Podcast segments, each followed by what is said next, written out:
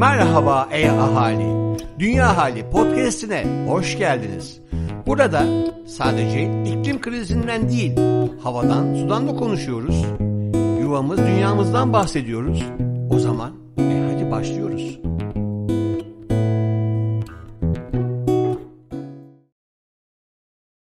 Merhaba, ben Gonca Karakaş. Bu haftaki Dünya Ahali Bülteni'ni ben okuyacağım.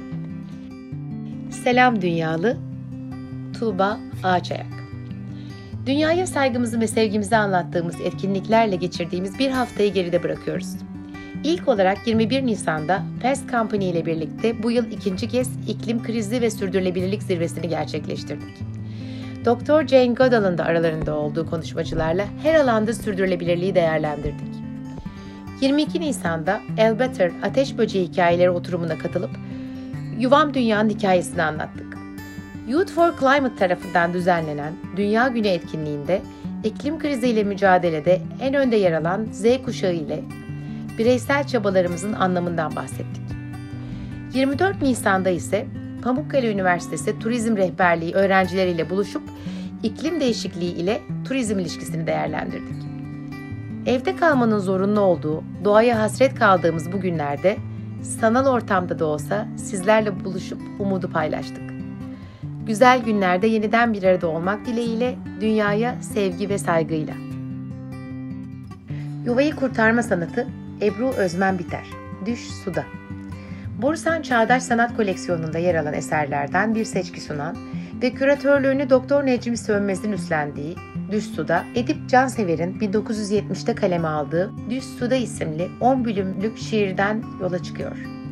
7 Nisan 2021, 6 Mart 2022 tarihleri arasında Borisen Contemporary'nin internet sitesi üzerinden 360 derece sanal tur ile gezilebilecek olan Düz Suda, artırılmış gerçeklik ve sanal gerçeklik teknolojilerinin desteğiyle kamusal alana taşınıyor. Sergiye özel olarak tasarlanan Düz Suda sergi rotası, mobil uygulamasını indirenler, Boğaz'ın ihtişamlı manzarasında ve sanat rotası üzerindeki seçili noktalarda eserleri de görebiliyor. Sizleri Borisan Contemporary'nin Düz Suda sergisini ziyaret etmeye davet ediyoruz. Yeşil Köşe, Doğa Tamer ve Emrah Kurum Sürdürülebilirlik Adımları Derneği Yaşanan sorunlara odaklanmak yerine var olan iyi işlerin çoğalması, bu işlerin sürdürülebilir kalkınma amaçları ile ilişkilendirilmesi ve sürece gençlerin dahil edilmesi gerekiyor. Size iki soru sormak isteriz. Bireysel olarak sizi doğrudan etkileyen veya sizce var olan sorunlar nelerdir? Peki gördüğünüz veya bildiğiniz bu sorunlara üretilen çözümler nelerdir? Bu sorulara verdiğiniz yanıtlardan uzun olanı genellikle maruz kaldığımız sorunlar oluyor. Sorunlar yerel olduğu zaman o sorunlardan haberdar olamayabiliriz. Üretilen çözümler, var olan sorunları giderdiği için dikkatimizi artık çekmiyor olabilir. Görünür olmadığı takdirde üretilen çözümlerle ilgili bilgi sahibi olamayabiliriz. Evden çıkıp tekrar eve gelene kadar karşılaşabileceğimiz sorunlar, çalışmıyorsak işsizlik, çalışıyorsak çalışma saatlerimiz, ulaşım, yeşil alanların azlığı, kirlilik gibi konular ilk akla gelenlerden bazıları olabilir. Bu listeyi daha da uzatabiliriz. Yaşanan sorunların çözümünde önemli olan çözümü sadece başka birey veya kurumlardan beklemek yerine çözüm için ben ne yapabilirim sorusunu kendimize sormaktır. Çünkü hepimizin bu amaçlar için yapabileceği bir şeyler var. Maya Angelou'nun dediği gibi bir şeyi beğenmiyorsan onu değiştir. Değiştiremiyorsan kendi davranışını değiştir. Köşe Bucak Dünya Profesör Doktor Levent Kurnaz Sessiz Bahar ve Küba Füze Krizi Doğaya ne derece saygı gösterirsek gösterelim, insanlar arasındaki ilişkilerin, politikanın ve ekonomik büyümenin de sürdürülebilir olması gereklidir. Sürdürülebilirlik dediğimiz zaman çoğumuzun kafasında değişik bir imaj canlanır. Bu değişik imajın nedeni içerisinde bulunduğumuz toplulukların bizim düşünce yapımıza yarattıkları yankılardır. Bu nedenle başlangıçtaki sürdürülebilirlik kavramından ne algıladığımızı açıkça ortaya koymakta büyük yarar var. İnsanlık çok uzun süreden beri dünyanın ve kaynaklarının sonsuz olduğunu ve ekonomik büyümenin sınırsız olarak gerçekleşebileceğini düşünerek yaşadı. Bugün bile kıymetli bilim ve düşünce insanlarının önemli bir kısmında bu düşüncenin hakim olduğunu kolayca görebiliriz. Oysa bugün biliyoruz ki gezegenimizin doğal kaynakları sonsuz değil. Ve bu kısıtlı doğal kaynaklar içerisinde doğa ile uyumlu bir yaşama devam etmek istiyorsak, bu kaynakları sürdürülebilir bir biçimde kullanmamız gerekiyor. Ayrıca insan toplumlarına bakıldığında gittikçe artan sorunlar göze çarpıyor. Biz istesek de, istemesek de gittikçe küreselleşen dünyada insanlar arasında bir denge içerisinde yaşamayacak olursak, küresel bir etkileşimin sürdürülebilir olmayacağı da apaçık ortada. Yalnız kritik olan problem bu sürdürülebilirlik yaklaşımının toplumların her kesimini henüz etkilememiş olması. Bunun nedeni de sürdürülebilirlik kavramının bizim düşünce sistemimizde çok eskilere gitmemesi. Elbette hepimiz eskiden beridir nesneleri idareli kullanma açısından büyüklerimizden nasihat dinledik. Ancak bu bilgilerin önemli bir kısmı dışsal olaylara bağlı kıtlık günlerine dayanıyordu. Kaynakların kısıtlılığı, doğanın yarattığı bir kısıttan değil, bizlerin o kaynaklara ulaşma zorunluluğumuzdan oluşuyordu.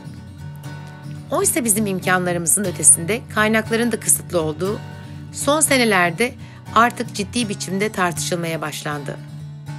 Aslında Malthus 1798 yılında kaynakların kısıtlı olduğunu ve insan nüfusundaki artışın bu kısıtlı kaynaklarla çatışması sonucu açlık ve savaşların ortaya çıkacağını söylüyordu. Ama coğrafi keşifler ve teknolojik buluşlar bu çatışma noktasını devamlı ötelediği için insanlık bir türlü gezegeninin sınırlarını kavrayamadı. Bizim için yeryüzü, denizler ve gökyüzü sınırsızdı ihtiyacımız olan her şeyi geri koymayı düşünmeden doğadan alabilirdik. Fakat biz geldiğimiz bu noktada anladık ki doğaya ne derece saygı gösterirsek gösterelim, insanlar arasındaki ilişkilerin, politikanın ve ekonomik büyümenin de sürdürülebilir olması gereklidir. Yuvam Dünyalılar ne yapıyor? Özgül Öztürk Öneriler Okuyoruz. Terra Madre, Toprak Ana Slow Food'u kurucusu Carlo Petrini, Terra Madre'de dünyanın dört bir yanındaki küçük çiftçileri ve üreticileri bir araya getirmek için kurduğu konferans, organizasyon olan Terra Madre'nin prensiplerini anlatır. Yavaş gıda hareketine ilginiz varsa mutlaka okunması gerekiyor. Terra Madre yani Toprak Ana oluşumunun açılış konuşmasıyla başlıyor ve çeşitli röportaj ve köşe yazılarıyla sona eriyor. İklim Masası Çağla Fadıllıoğlu Haberler İklim değişikliğinin etkileri 2020 yılında daha da kötüleşti. Dünya Meteoroloji Örgütü 2020 küresel iklim durum raporunu yayımladı. Raporun 2020 versiyonunda öne çıkan başlıklar şöyle. Covid-19'a bağlı geçici duraksamaya rağmen sera gazı salımları artmaya devam etti. Okyanuslarda tutulan ısı miktarı ve okyanus asitliği artmaya devam etti. 2020 Eylül ayındaki Kuzey Deniz buzu minimumu tarihte görülen ikinci en düşük miktar olarak kaydedildi. Antarktika'da yıllık buz kaybı miktarı 175-225 milyar tona ulaştı. Kuzey Atlantik kasırga sezonu olağanüstü seviyede yoğun geçti. 9.8 milyon insan doğal afetlerden dolayı yaşadığı yeri terk etmek zorunda kaldı. Hem Covid-19 hem de hava olaylarının etkisiyle tarım sektöründe görülen aksaklıklar bütün gıda zincirini olumsuz etkiledi ve gıda güvenliği üzerindeki baskıyı arttı. 2021 yılında salımlarda tarihin en büyük ikinci artışı öngörülüyor. Uluslararası Enerji Ajansı 2021 Küresel Enerji Değerlendirme Raporu yayınlandı. 2021 öngörüleri şu şekilde. Pandemi küresel enerji talebini baskılamaya devam ediyor. Ancak teşvik paketleri ve aşılamaların yaratacağı rahatlama ile ekonomik büyüme artış gösterecek. Küresel enerji talebi 2021'de %4.4 artacak. Petrol talebinde artış öngörülse de özellikle hava ulaşımında süren duraksamanın etkisiyle küresel petrol talebi 2019 seviyesinin %3 altında kalacak. Kömür talebi %4,5 artacak. Doğal gaz talebi %3.2 artış ile 2019 seviyesinin de üstüne çıkacak. Elektrik talebi son 10 yıldan fazladır görülmemiş bir artışla yükselecek. Yuvam Dünyanlar ne yapıyor? Özgül Öztürk Öneriler Okuyoruz.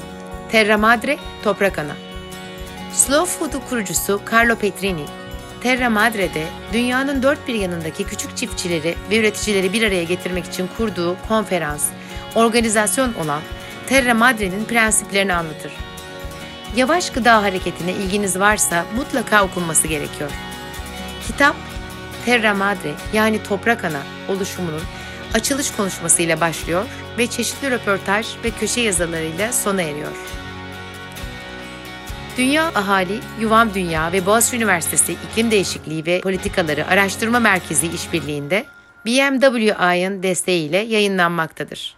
BMWI sürdürülebilir mobilite için kapsamlı çözümler sunar.